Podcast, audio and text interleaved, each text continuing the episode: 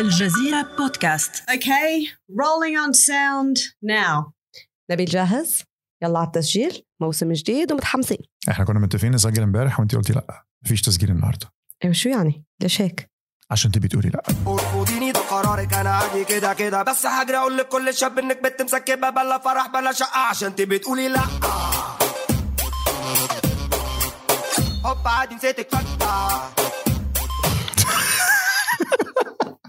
طبعا بنتكلم على أغنية سالمونيلا بتاعه تميم يونس اللي أكيد معظمنا سمعها ولو ما سمعتهاش أكيد سمعت عنها. الأغنية أيضا أصبحت معروفة باسم علشان تبي تقولي لأ. وهو تعبير بالعامية المصرية بيحمل تهديد ووعيد لامرأة رفضت طلب أو عرض من رجل. والنهاردة هنيجي نجيب لك قصة أغنية سالمونيلا دي وقضية التحرش الجنسي اللي هي بتحاول تتناولها من الآخر. بالرغم من إنه تميم يونس أرفق هاي الأغنية برسالة قال فيها إنه هي الأغنية موجهة لكل رجل مقموص.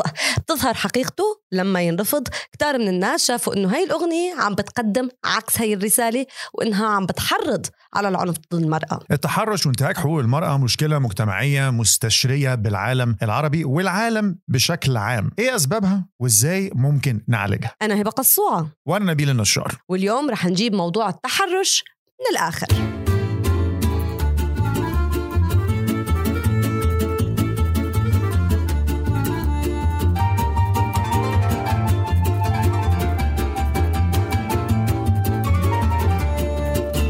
أغنية سالمونيلا أو اللي بقت أيضا معروفة بعشان تبي تقولي لأ جابت 7 مليون مشاهدة على يوتيوب في أول أسبوع ليها فقط وأشعلت نيران الجدل على وسائل التواصل الاجتماعي في العالم العربي كله. انقسم الناس لفريقين. فريق شاف إن الأغنية عبارة عن كوميديا ساخره بتكشف أو بتفضح شخصية المتحرش في العالم العربي أو إحدى شخصيات المتحرش خلينا نقول. والفريق الثاني شاف إنها أغنية بتحرض على العنف ضد المرأة وبترسخ ثقافة التحرش في المجتمع. الموضوع وصل للمجلس القومي للمرأة اللي تقدم بطلب لموقع جوجل ليوقف الأغنية والسبب أنه المجلس القومي شافوا أنه هاي الأغنية بتحمل رسالة عم بتهين المرأة وعم تنتقص من حقوقها وعم تدعو للتنمر وعم بتعد تحريض صارخ على الاعتداء على النساء كما أنه الأغنية بتحتوي على عبارات وألفاظ خارجة عن الآداب العامة وبتأسس لجريمة السب والقذف عبر مواقع التواصل الاجتماعي. وبالصدفة البحتة في نفس الليلة اللي صدرت فيها أغنية سالمونيلا وبتناقش الموضوع ده هي نفس الليلة اللي حصل فيها حدث برضو رج شبكات التواصل الاجتماعي في العالم العربي وهي قضية فتاة المنصورة. هم في الحقيقة كانوا فتاتين. وتم التحرش بيهم جماعيا في المنصورة اللي هي إحدى محافظات مصر. طبعا القضية صارت تعرف باسم فتاة المنصورة كلنا سمعنا عنها وقرأنا عنها. لكن خلينا نرجع للتحرش بالأساس. خليني أشرح لك. التحرش يا نبيل هو صيغة من الكلمات غير المرغوب فيها. أو الأفعال ذات الطابع الجنسي واللي بتنتهك جسد أو خصوصية أو مشاعر شخص ما وبالأغلب بتكون النساء. بتخلي هذا الشخص يشعر بعدم الارتياح أو بالتهديد أو بعدم الأمان أو بالخوف أو بعدم الاحترام أو بالترويع والإهانة أو الإساءة أو الترهيب أو الانتهاك أو أنه فقط مجرد جسد. صندوق الأمم المتحدة للسكان بيعرف التحرش الجنسي بأنه حتى التلميحات الجنسية المؤذية متطفلة هجومية قسرية غير مرغوب فيها نحو شخص ما.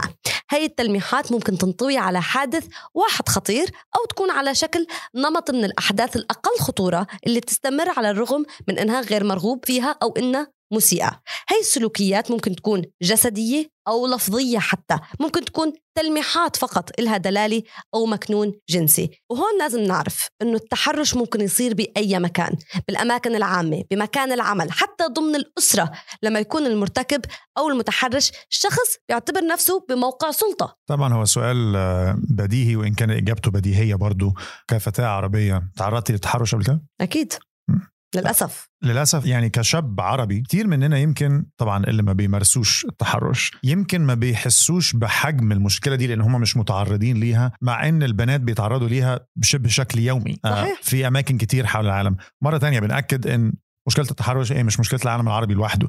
مشكلة متفشية وظاهرة في مجتمعات كتير شرقية وغربية. صحيح وشفناها طبعا بحركة مي تو بهوليوود وبالعالم الغربي العام الماضي صحيح. ولهيك صار ينحكى عن الموضوع أكثر وأكثر يا نبيل لأنه حتى مشاهير السينما عم بتم مقاضاتهم حاليا لتحرشهم بنساء بأماكن العمل ومواقع التصوير. صحيح. لكن هون خلينا نرجع للتحرش. في فرق بين التحرش والعنف الجنسي لأنه حتى إذا أنت حكيت كلمة غير مرغوب فيها من قبل المرأة تعتبر تحرش وطبعا بتلاقي شوي كتير يقول لك أنا ما لمستهاش أنا ما جيتش جنبها مش شرط. تلمسها. ومش شرط تيجي جنبها. حتى لو تلميحات بنظرة نظرة. بإيحاءات. طالما غير مرغوب فيها تعتبر تحرش. بالضبط. ولهيك لازم نفصل بين التحرش والعنف الجنسي. العنف الجنسي تعريفه أنه هو عمل من أعمال العنف البدني أو النفسي أو الاجتماعي. وبما في ذلك طبعا العنف الجنسي اللي بتم ممارسته أو التهديد بممارسته طبعا مثل الاستغلال القسري أو الخداع أو التلاعب بالمفاهيم الثقافية أو حتى استخدام الأسلحة واستغلال الظروف الاقتصادية. للضغط على الفتيات مم. من أمثلة العنف الجنسي طبعا في عندك الضرب والتنمر والاستقواء والابتزاز الجنسي حتى الابتزاز الافتراضي على فكرة لما يكون عندك صورة لفتاة تهددها فيها أنه بفضحك وبنشرها على الإنترنت هذا عنف جنسي مم. لكن أيضا عندك تزويج القاصرات الاغتصاب داخل وخارج مؤسسة الزواج أيضا يعتبر عنف جنسي لأنه على فكرة العالم العربي حتى صعب علينا نتخيل فكرة الاغتصاب داخل منظومة الزواج. صحيح يعني في ناس كتير يمكن حتى ما بتخطرش على بالها الفكرة إنه يا عم اغتصابها إزاي ده متجوزها؟ لا. إذا هي غير موافقة. اغتصاب. إذا هي غير موافقة على إقامة هاي العلاقة الجنسية فهو اغتصاب. بالظبط في مفاهيم كتير لازم نبتدي نطورها ولازم نبتدي ننشر وعي عن المواضيع دي لأن كتير من المفاهيم دي موروث ثقافي. أنا ما بقولش إن لا ملامه طبعا كل واحد بقى كبير خلاص لازم يفكر في الحاجات دي ويختار لنفسه إيه اللي هو شايفه صح وإيه اللي هو شايفه غلط. لكن كتير يمكن ما أتاحتش ليهم الفرصة إن هم يتعلموا أو إن هم يتوعوا عن المفاهيم الحديثة للتعامل مع الجنس الآخر في المجتمعات النهارده. القبول والرضا بالعلاقات. يعني لازم يكون الطرفين دائما راضيين عن أي شيء بي- بيحصل داخل هي العلاقة مهما كان نوعها. لكن نفهم كيف يمكن نتعامل مع مشكلة التحرش. خلينا نفهم أسباب انتشارها. ليه منتشرة هي الحوادث وبشكل كبير بالعالم العربي؟ طبعا في جدال كبير حول الموضوع ده لأن اولا في ناس بتقول لك أصلا ما فيش تحرش. في ناس مش شايفة المشكلة موجودة وده ما هي عاجبها ومبسوطة. في أبحاث اتعملت وفي استطلاعات رأي وفي دلائل واضحة بتأكد لنا إن الظاهرة موجودة ومتفشية. فهي اللي بينكر وجود الظاهرة أشجعه إن هو يخش ويدور ويقرأ وهيلاقي المعلومات اللي بتأكد لك الظاهرة موجودة. لا جدال فيها. آه، طبعا عندك ناس بتقول لك أوكي الظاهرة موجودة ولكن أسبابها الضحية. مم. للأسف. اللوم على البنت والحق على البنت. فتحميل مسؤولية ما حدث أو الجريمة اللي بتحصل للفتاة عن طريق الإشارة إلى إن زي ما قلنا ملابسها هي السبب أو عبارات زي اللي وداها هناك. هي أصلا غلطانة إن هي تروح حتة زي كده. لوحدها شو ولا مطلعة بالليل. بالظبط بالظبط. وفي بعض المنظمات الحقوقية اللي بتعمل إحصائيات توضح أسباب زيادة معدلات التحرش في منطقة الشرق الأوسط. أظهرت الإحصائيات دي بعض النتائج الغريبة منها.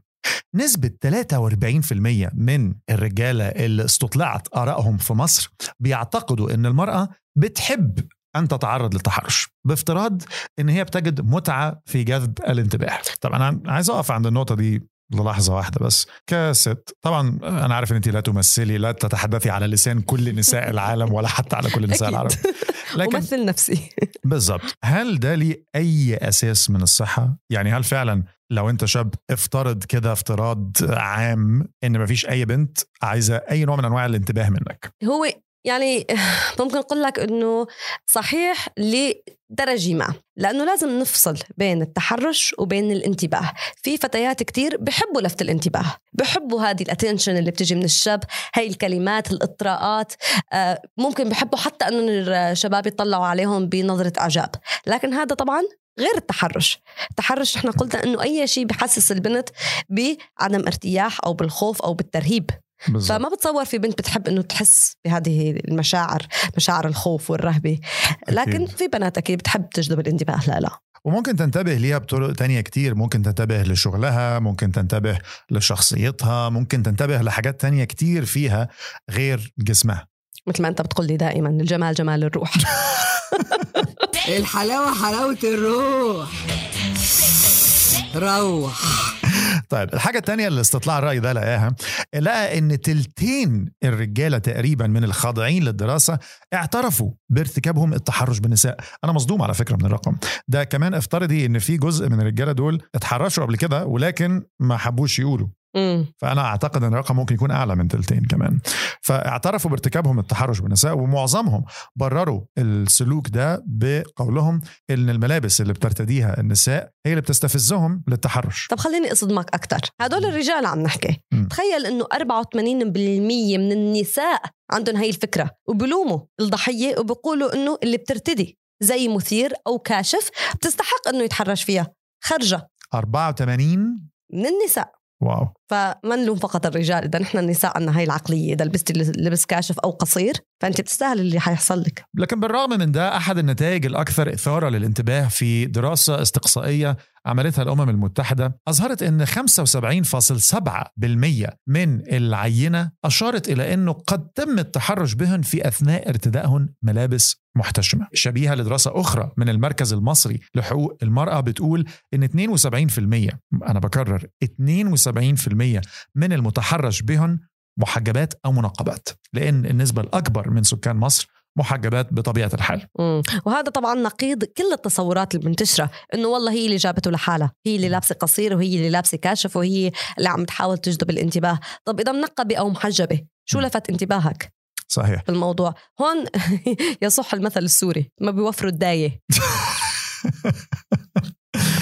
الناس بقت خلاص عارفة أمثالك وبتستناها في الحلقات على فكرة. لا هون يعني إنه اللي بيلوموا الضحية. طب إذا عم بيتحرشوا ببنت محجبة محتشمة منقبة مم. كيف ممكن تحطوا الحق عليها؟ الأرقام دي بتدينا هي مؤشرات أو باعتبارها البعض دلائل بتؤكد زي المرأة مش عنصر من العناصر المؤدية للتحرش. خلينا هلأ نحكي يا نبيل. طب قبل ما نخش في النقطة ناخد فاصل؟ يلا. يلا بينا.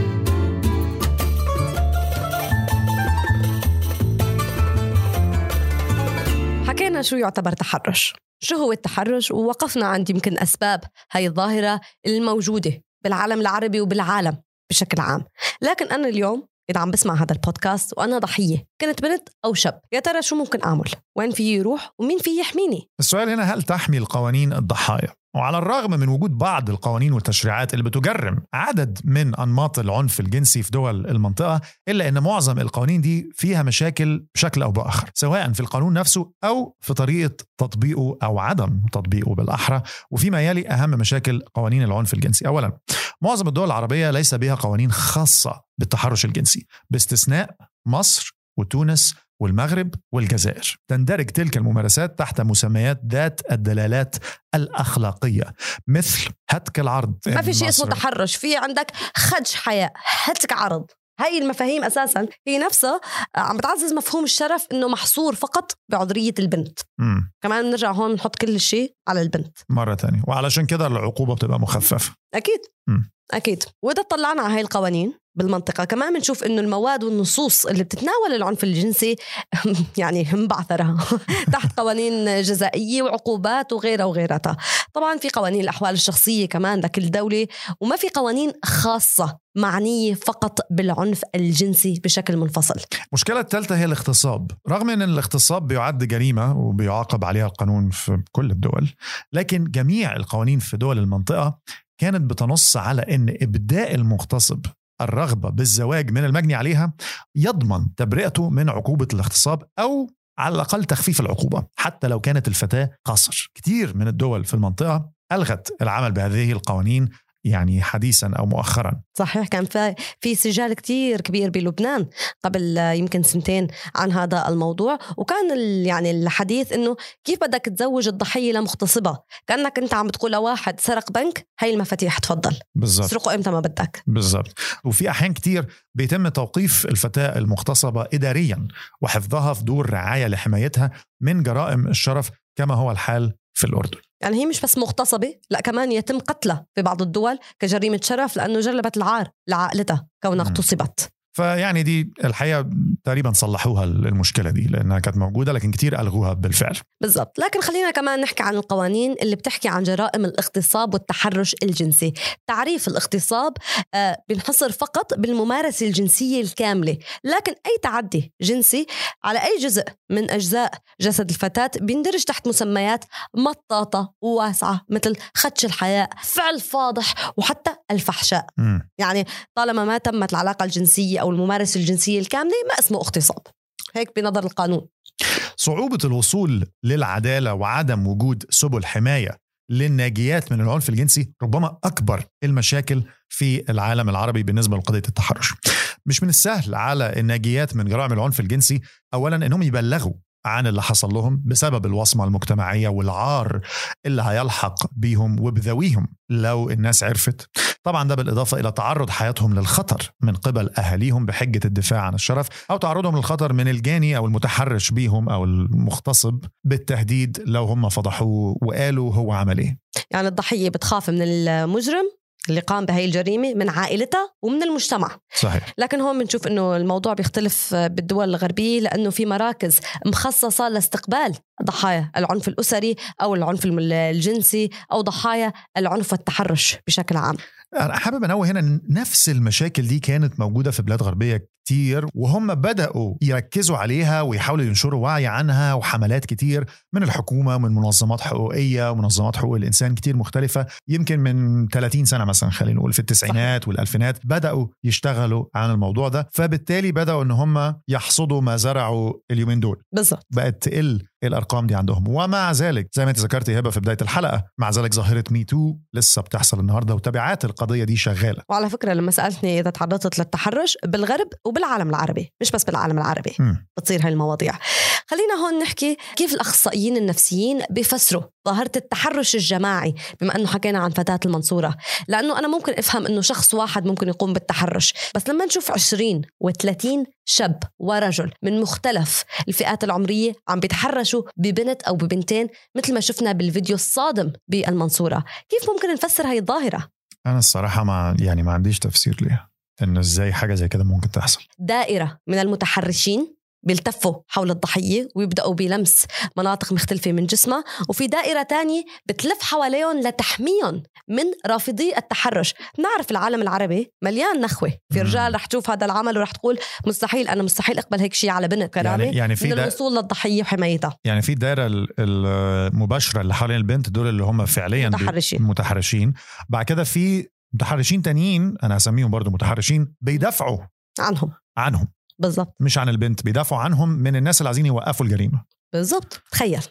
دائرة الجحيم فعلا. الأخصائية النفسية سحر طلعت حكت مع موقع بي بي سي عن تفسير ظاهرة التحرش الجماعي وقالت أنه التحرش الجماعي هو تفريغ لحالة غضب عم بعيشها المجتمع. وترجمة عنيفة للأشياء اللي عم بيتعرضوا لإلها بدور من تعنيف بالحياة اليومية على مختلف المستويات الاقتصادية والاجتماعية وغيرها. مم. بتشوف الدكتورة أنه هذا النوع من الأفعال بتحركوا آلية دفاعية عند الإنسان بتحول الغضب الناتج عن الضغوط اللي عم بعيشها لهي الممارسات الجماعية اللي بنشوفها يمكن بالميادين أو بالساحات يعني ده أحد التفسيرات من ناحية نفسية. عن أسباب انتشار جرائم التحرش بتشوف الدكتوره سحر طلعت برضو إن غياب القانون الرادع بيمثل سبب رئيسي في تفشي المشكلة دي. برغم تجريم بعض القوانين للتحرش زي ما قلنا تطبيقه بيحتاج إلى أدلة واضحة وإثبات حالات التحرش وهو أمر قد يصعب على امرأة في تلك الحالة التفكير فيه أكثر من تفكيرها في إن هي تهرب.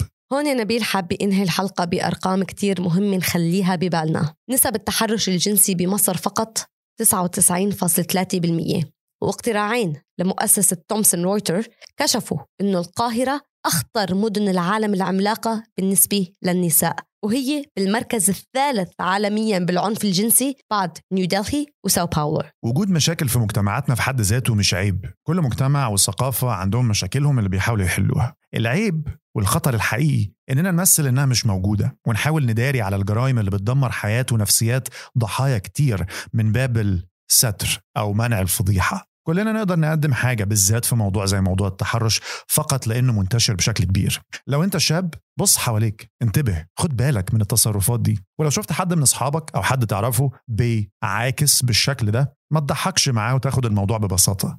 الصمت نوع من أنواع المشاركة في الجريمة. وبهيك يا نبيل بنكون حكينا بموضوع التحرش اللي إن شاء الله يكون له آخر. استنونا الأسبوع الجاي في حلقة جديدة من بودكاست. من للآخر.